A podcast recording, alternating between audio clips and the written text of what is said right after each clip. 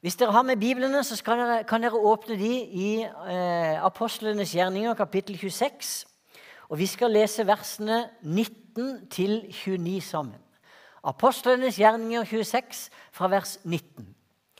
Og vi husker det i dag òg. Når Bibelen er åpen, så taler Gud. Og når Gud taler, så skjer det noe. Amen i Jesu navn. Da leser vi sammen fra vers 19 til 29. Derfor, kong Agrippa, har jeg ikke vært ulydig mot det himmelske synet. Nei, jeg har forkynt, først i Damaskus og Jerusalem, så i hele Judea og forhedningefolkene, at de må angre og vende om til Gud og gjøre gjerninger som svarer til omvendelsen. Dette er grunnen til at jødene grep meg i tempelet og forsøkte å drepe meg. Men til denne dag har Gud hjulpet meg så jeg har vitnet for høy og lav, og jeg har ikke sagt annet enn det profetene og Moses sa skulle hende. At Messias skulle lide, og at han som den første skulle se opp fra de døde og forkynne lyset både for sitt eget folk og for hedningefolkene. Da han kom til dette punktet i forsvarstalen, ropte Festus høyt. Du er fra sans og samling, Paulus. All lærdommen din driver deg fra forstanden. Paulus svarte, 'Jeg er ikke fra forstanden, ærede Festus, for alt jeg sier, er sant og vel gjennomtenkt.' Kongen kjenner til alt dette, og til ham taler jeg rett ut. Jeg er overbevist om at ikke noe av dette er gått ham forbi. Det er jo ikke skjedd i en avkrok. Tror du på profetordet, kong Agrippa? Jeg vet at du tror. Agrippa sa til Paulus, det er like før du får overtalt meg til å bli en kristen. Og Paulus svarte, like før eller langt igjen, mitt ønske til Gud er at både du og alle som hører meg i dag, må bli som jeg, bare uten disse lenkene. Amen. I dag skal jeg tale om et ord som utgangspunkt som vi ofte bruker, og som nesten kan bli som en sånn forbannelse inn i livene våre. Og det ordet jeg skal tale om, det er nesten. Har du tenkt på hvor ofte vi bruker det ordet? Han klarte det nesten. Han nådde nesten fram. Hun ble nesten ferdig. Han ble nesten mester. Det gikk nesten bra. Hadde han bare bremsa ett sekund før, så hadde ikke ulykka skjedd. Hun var nesten god nok til å komme på laget. Nesten det er også mange ganger nesten blitt som en unnskyldning for oss. 'Ja, men du er nesten ferdig.' Dere har hørt om han som skulle begynne å trene for et bedre liv, og så fikk han tak i en personlig trener. Og Så satte han i gang på opplegget han skulle ha da. og så Etter et par uker der så kom den personlige treneren til og spurte han, hvordan går det. 'Jo, det går kjempebra', sa han. 'Det går så det suser'. 'Jeg trener nesten hver dag', sa han. For jeg trener nesten på mandag, og nesten på tirsdag og nesten på onsdag. Jeg vokste opp ute på Hortmo i Greipstad. Og Da jeg begynte på videregående, så måtte jeg ta buss inn til Kristiansand for å gå på Katta der. Og flere ganger så rakk jeg nesten bussen. Og min mor hun er borte fra Jyland og litt sånn nervøs som mødre flest der med tenåringer i hus. ikke sant? Så Jeg husker hun sto oppe i stua og så kunne hun liksom se ned på busstoppet på hovedveien her. Og så var jeg nede i kjelleren og somla og kom jeg liksom ikke av gårde. Og så hørte jeg, jeg kan høre den stemmen ennå. Hun ropte 'Geir, skunda deg! Nå kommer bussen!' Og så hørte jeg litt etter. 'Der kom bussen!' Og så gikk det litt tid. 'Der gikk bussen!'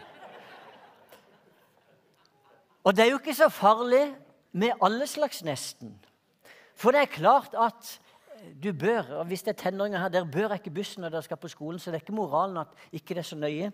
Men jeg bare sier, det er ikke noe krise om ikke du rekker bussen, for jeg kunne ta en senere buss.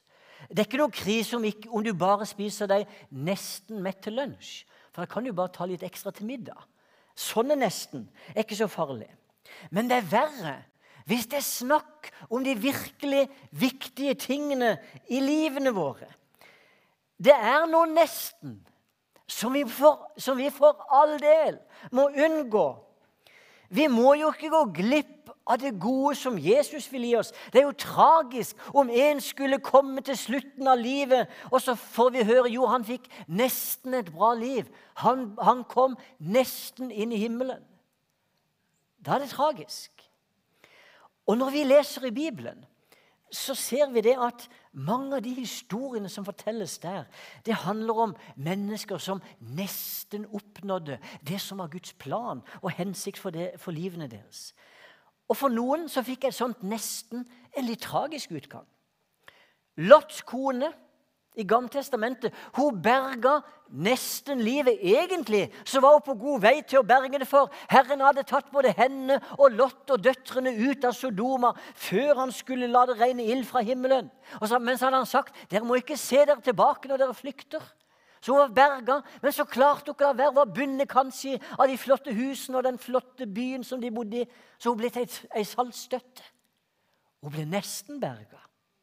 Israels folk de vandra 40 år i ørkenen. Og de opplevde Guds under hver eneste dag. Det kom vann ut fra klippen. Hver dag regna det mat ned som metta de. Kan du se for deg det både morgen og kveld, hvordan Gud lot det regne mat fra himmelen? Og de fikk se hvordan kobbersla eller bronseslangen der ble satt opp, og den som så på den, ble helbredet. Det var under og tegn hele tiden som de fikk være en del av. Men likevel så kom de bare nesten inn i det lovede land. Kan du tenke så trist? Kong Saul han gjorde det meste rett. Det var, noen, var bare noen få ting som hindra han i å følge Guds vilje i alle ting. Han, han, han gjorde det bare nesten. Det var også mennesker som kom til Jesus, som nesten begynte å følge ham. Det var en fariseer en dag som sa, 'Jesus, jeg skal jeg skal følge deg hvor du går, sa han. Tenk det. Men Jesus kjente hjertet han sa men jeg har ikke noe sted å hvile hodet mitt på. Jeg har ikke noe sted som du kan eh, få ro. Du må være med. Han ble bare nesten med. Det var en som sa Jesus, ja, men jeg skal bare begrave min far først. Han hadde så mange ting der hjemme som bandt han. Det betyr ikke at ikke vi skal begrave fedrene våre. Det var ikke det som var poenget. Men han hadde ikke tid. Han ble bare nesten med. Og en dag så kom en mann løpende etter Jesus. Tenk det, Han kom løpende etter. Han var ivrig. Han ville virkelig være med på det som Jesus holdt på med. Og Så falt han på kne foran han, og så sa han, 'Gode mester, hva skal jeg gjøre for å få det evige liv?' Tenk, han var opptatt av det. Han var opptatt av de rette tingene. Og så svarer Jesus, 'Du kjenner budene.' Du skal ikke slå i hjel, du skal ikke bryte ekteskapet, du skal ikke stjele, du skal ikke vitne falskt, du skal ikke bedra noen og hedre din far og din mor. Og så sier han, 'Mester, alt dette har jeg holdt fra jeg var ung.' Hvem av oss kunne sagt noe sånt? Men han sa det. Og så ser Jesus på han, og så sier han, 'Jo, men det mangler deg én ting', sa han. 'Gå bort og selg alt du eier, og gi det til de fattige.' Det mangler deg én ting. Og så gikk denne mannen bedrøva bort. Han var så begeistra. Kan du se? Han kom løpende, og når han til og med kunne si 'Jeg har holdt alt dette', så mangla det én ting. Han kom nesten inn i Guds rike. Kong Agrippa, som vi leste om i dag, han ble nesten en kristen. Paulus sa det, eller, eller, han sa selv til Paulus Det er like før du overtaler meg til å bli en kristen. Hvem var Agrippa?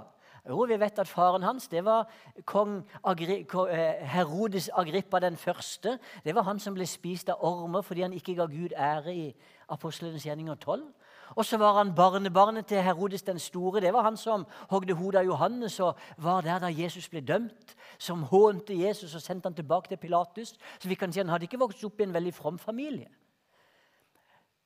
Men kong Agrippa han hadde også ei søster som het Berenike, som var sammen med ham her den dagen Paulus talte. hun var ett år yngre, og kong Agrippa han, han, var faktisk bare 17 år da han ble konge. Nå var han jo litt, litt eldre, for nå var vi ute på 60-tallet her.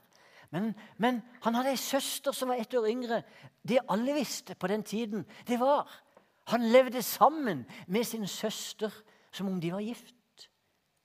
Også blant hedninger er jo det en skam, men sånn levde han. Agrippa han kjente til det som hadde skjedd med Jesus. Og Paulus sier, 'Du tror på profetene.' Han trodde på profetene, men han kunne ikke gi slipp på denne herre tingen. Han kunne ikke gi slipp på søsteren sin.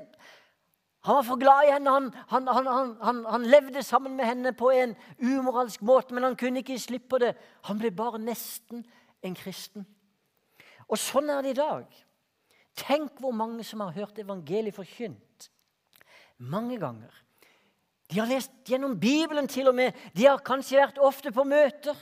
De vet hva det vil si å være en kristen, men så kan de bare ikke gi slipp på den ene tingen, kanskje. Eller de tingene som de vet er mot Guds vilje. De er nesten en kristen. De er nesten med i det som er Guds vilje. Og i dag så er det mange mennesker i Guds rike, eller i menigheten med mange mennesker som er medlem i Guds menighet som nesten har kommet i tjeneste for Jesus. Det mangler bare noen få detaljer, men de kom liksom aldri i gang. Kanskje for noen så var det at det ble for mye omkostninger. Når de leste hva det ville si å følge Jesus, at det også medfører lidelse og trøkk sånn, så klarer de det ikke og vil det ikke. Tenk da Paulus ble en kristen den samme dagen som han ble frelst. Den samme dagen han hadde dette synet med, med lyset fra himmelen og Jesus som åpenbarte seg, han som selv hadde forfulgt andre, så får plutselig han høre fra Jesus Jeg har utvalgt ham som mitt redskap til å bære mitt navn framfor folkeslag og konger og for Israels folk. Og hør, så sier han, og jeg skal vise ham alt han må lide for mitt navns skyld. Vi talte litt om disse tingene her inne på et torsdagsmøte òg. Hvem vil bli frelst? Hvem vil bli frelst fordi du må lide for Jesus? Det var ei dame fra Argentina, det var en predikant i Brasil. Han hadde vært på reise der. Han hadde møtt ei dame. Og, var, og, Da jeg hørte den historien, så kjente jeg bare Gråten kunne ta meg. Jeg ble så trist. For da hun var, da hun var ung, så kalte Gud henne til å bli misjonær. Og så sa hun 'Jeg skal gå, Herre', sa hun. 'Men jeg, jeg, vil bare bli gift først.' Bare vent litt. Og så ble hun gift. Og så kalte Gud henne på nytt. 'Du er gift, nå kan du gå.' 'Ja, men jeg, jeg, jeg er gravid.' 'Jeg skal bare se barna mine vokse opp først, så skal jeg reise.' Og Så vokste barna opp, og så kaller Gud henne på nytt. Og Så sier hun jo, men nå er, det, nå er det kommet barnebarn. Jeg har så lyst til å se barnebarna vokse opp, så skal jeg gå. Hun ble bare nesten misjonær. Og Jeg har møtt mennesker, ikke, ikke, nødvendigvis på samme måte, men jeg har møtt så mange her i Norge også som har sagt, da vi har fortalt om vår tjeneste, og Hilde og jeg da vi var i Brasil, så sier de ja, men Gud kalte også meg til å bli misjonær. Men jeg kommer aldri ut, for det ble sånn og sånn. Jeg ble gift med ei dame, jeg ble gift med en mann som ikke hadde kallet. Og så er det omstendigheter. Sørg for at ikke bare det er nesten, og i dag så er det sånn at det å be mennesker å gå all inn for, for Jesus i sånn tjeneste, det blir sett på som farlig. Og Det er interessant å se hvordan de er redde for at ungdommer skal bli ført vill. At ungdommer skal få problemer hvis de er for radikale om det som har med tjenesten å gjøre. Og Det er fantastisk å stå her og sitte her og høre på Viktor, hvordan Herren bare kommer til han, og så bare tar han noen radikale valg. Det er mer radikale valg enn mange voksne her har tatt. Bare si fra nå av. Så skal jeg ikke spille fram så. Det var blitt viktigere enn Jesus. Er det så farlig? Det er jo kjempebra. Da, I juni så hadde de en konferanse i Telenor Arena. Det var 10 000 ungdommer nesten som var samla. Jeg var der, og det var flere fra menigheten her òg som var. Det var fantastisk å være med og se den iveren. Men det som var interessant, det var allerede før konferansen hadde kommet i gang, så var det masse skriverier i den kristne dagspressen i Norge der de var bekymra for Oi, tenk at ungdommene skulle jo være samla fra klokka ti på morgenen til ti på kvelden. Det kunne jo skje forferdelige ting. Kunne jo få traumer. Tenk, tenk liksom det, det er for voldsomt å være en hel dag. Andre var bekymra fordi de hørte at noen av talerne som kom, de skulle visstnok forkynne at det handla om å gi hele livet til Jesus. Så var de bekymra. Men der var det ungdommer som ikke bare ville nesten, men de ville være med. Og, og hør hva Jesus sa til disiplene. Om noen vil følge etter meg, må han fornekte seg selv, ta sitt kors opp og følge etter meg. For den som vil berge sitt liv, skal miste det. Men den som mister sitt liv for min skyld, skal finne det. Hva vil det gagne et menneske om det vinner hele verden, men taper sin sjel? Eller hva skal et menneske gi som vederlag for sin sjel?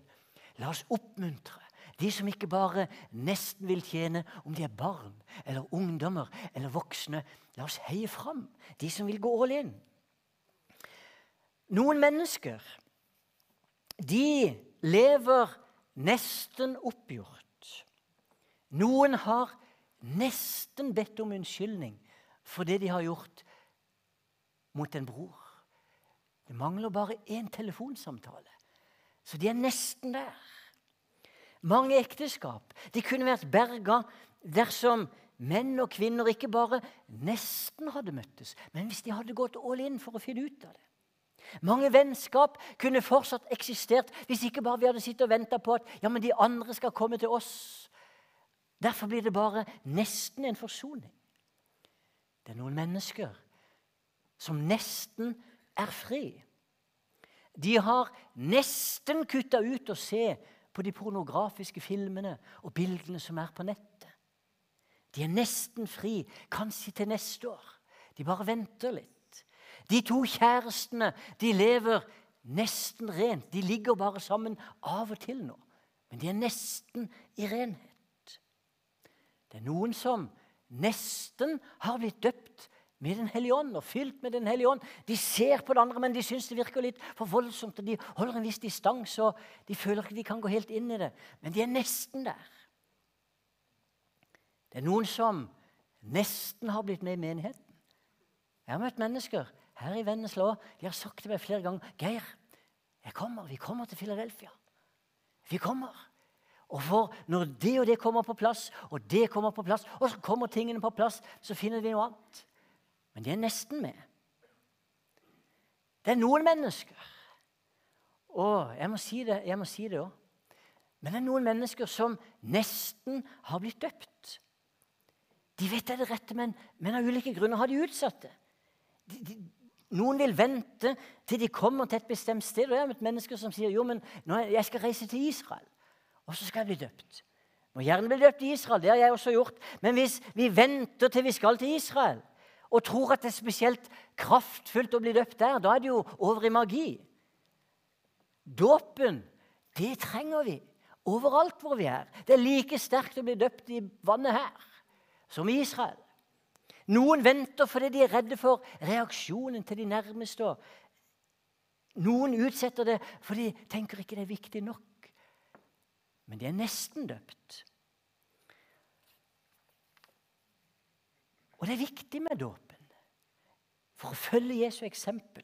Det viser at jeg tror på Jesus. Den er et bilde på Jesu død og oppstandelse. Det er et bilde på mitt nye liv som kristen. Det står vi blir en ny skapning. Vi begraver oss, så blir vi en ny skapning. Det brukes sånne bilder.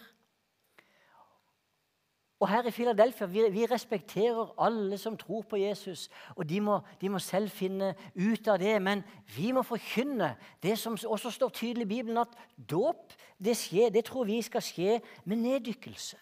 Vi tror fordi ordet dåp det betyr å dukke under. Det bekrefter alt det står i Bibelen. Og vi vet at den skikken med å øse vann på hodet og med spedbarnsopp Du finner ikke det omtalt i Bibelen. Derfor er det vi med frimodighet å løfter fram det vi står for. Så må jo andre svare for den skikken de har. Men det er veldig tydelig i Guds ord at det handler om å bli dukka under. Og til og med Luther, eller ikke til og med, var naturlig. Han, han, var teolog, han kjente Bibelen. Han bekrefter det. At dåp betyr å dukke under. Hør hva han sa. Dåpen heter på gresk baptismos. På latin mercio. Betydningen er her at man dukker noe helt ned i vann, slik at vannet går sammen over. Og så sier han også på tysk kommer ordet taufe, som er dåp. Uten tvil av ordet tife, som er dyp, sånn at man senker det man døper, ned i vann. Det var Luther som sa. Han kan du sitere. Og Derfor er det sånn alle som tror på Jesus, ønsker vi å føre inn i dåpen. Ikke bare nesten. Og vi ser i Bibelen mennesker kom til tro på Jesus, og så ble de døpt. Det skjedde på samme dag hvis de fikk sjanse til det. Med en gang, For det henger sammen. Og dette har min egen sønn i to av talene her både i sommer og vår kommet inn på. Og det er helt sant. Det har av og til blitt en avstand fra praksisen vi har i vår tid, til det som var i Bibelen. For der var det troen og dåpen henger sammen. Og det er mange mennesker, som jeg sa i stad, de er nesten en kristen. Sånn som Agrippa. Du ser, det er ikke nok å ha hatt en sterk åndelig opplevelse. Det er ikke nok å ha blitt helbreda og kjenne Guds kraft. Du blir ikke frelst av det. Det du blir frelst av når du tar Jesus inn i ditt liv og du får tilgivelse for din synd. Og Det er mange mennesker i dag som tror det fordi de vet hva som står i Bibelen. Og de tror til og med på det som står i Bibelen, men så har de den stoltheten de vil ikke ta imot. Og så er de bare nesten en kristen. Vi nevnte Agrippa. Vi kunne nevnt også han som heter eh, eh, jo Felix. Hvordan han også, en annen stattholder på den tiden, han kalte på Paulus. Han hørte når Paulus talte.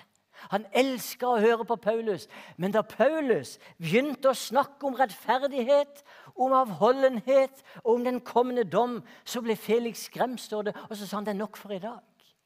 Og det er mange mennesker. De er nesten der. De har hørt det, men så vil de ikke ha det siste. Og kort til slutt her. Vi kunne snakka om nesten det og nesten det. Det er så mange nesten. Men jeg har lyst til å oppmuntre her i dag. La oss være helhjerta i det som er Guds vilje. Og jeg tror noen ting som Gud ønsker at vi skal være helhjerta i, det er bl.a. i vitnesbyrdet vårt. Ikke bare gi nesten et vitnesbyrd. Paulus han var villig til å leve evigheten borte fra Kristus hvis det kunne frelse hans landsmenn, som han sier. Paulus var dette han levde i. Vitnesbyrd. Hvem blant oss har en sånn overgivelse? Hvem er villig til å gi livet for fiendene? Hvem er villig til å gå all in? Jeg tror Herren kaller oss til en overgivelse ikke bare noe halvhjerta, ikke bare nesten, men et vitnesbyrd overalt hvor vi kommer. Jeg tror Gud han kaller oss til en helhjerta tilgivelse. Jeg vil strekke meg etter. Jeg vil, skulle ønske jeg kunne tilgi, sånn som Josef som var i Egypt. Han ble plaga av brødrene sine. Tenk det. Først så selger de han når han er ganske ung. Og så reiser han som slave til Egypt, og så smører de blod fra et dyr på kappa hans. Og Jakob, faren hans, tror han er død i mange år. Og Så blir de forent igjen, og så dør Jakob. Og Da kommer brødrene til Josef etter at han var død. Da var de livredde, for nå tenkte de nå kommer vår bror til å ta hevn. Men da Josef skjønte at de tenkte sånne tanker, så står det han ble trist. Han gråt sammen med dem. 'Åssen kan dere tenke sånn?' sa han. 'Er vel jeg i Guds sted? Dere skal ikke frykte.' 'Jeg skal sørge for dere og deres barn, for det var Guds hensikt å føre meg hit.' 'Dere så det ikke, jeg så det ikke.' Men han tilga. Og helt og fullt, og ikke sånn som vi ofte gjør, at vi kan si 'Jo, jeg tilgir'. Men jeg, jeg, vil ikke se deg mer for mine øyne. Jeg tilgir, men vi kan aldri være, være, venner igjen. For det du gjorde mot meg, det var så forferdelig at dette kan ikke jeg klare å leve med. Men jeg skal tilgi deg. Men en helhjertet tilgivelse, det er som Josef. Han tok dem inn til seg. Han gråt sammen med dem. Jeg tror Herren kaller oss til en helhjerta givertjeneste. Herren kaller oss som den enka som kom der til tempelet. Og det står hun ga to små mynter som hadde nesten ingen verdi, mens de andre som kom der, noen de var rike. De hadde peng, eh, punger eller sånne poser med sølv og med gull som de la i tempelkista. Du kunne høre det klirre der. Og så sier Jesus, 'Denne enka, hun ga mest.' Og da er det jo noen som har slått, da er det noen som har, har misforstått. For vi har jo også fått et sånt uttrykk ja, jeg kan ikke gi så mye, men jeg gir enken skjerv. så har de tusenvis av kroner. Det er ikke det det handler om. Her var det ei som ga alt. Det var derfor hun ga de to små myntene. Hun ga alt, ikke bare en liten bit av det. Jeg tror Herren kaller oss til stadig å strekke oss inn i givertjenesten. La menigheten være den som får hovedgang. Kan vi andre steder òg, men jeg tror tienden, minst 10% av det vi tjener, ønsker vi å oppmuntre folk til å gi her. Ikke som en tvang, ikke som et krav, ikke i det hele tatt. Men Herren, Herren kaller oss også til det. Jeg tror Herren kaller oss til en helhjerta kjærlighet. Jeg vil elske som synderinnen i Simons hus. Det står Da Jesus kom inn hos fariseeren Simon, så fikk han ikke vann til føttene, han fikk ikke kyss på kinnet. Han fikk ikke salve, eh, salve på hodet eller olje på hodet, sånn som det var vanlig. For fariseeren Simon han holdt en viss avstand. Han inviterte Jesus inn, men en viss avstand.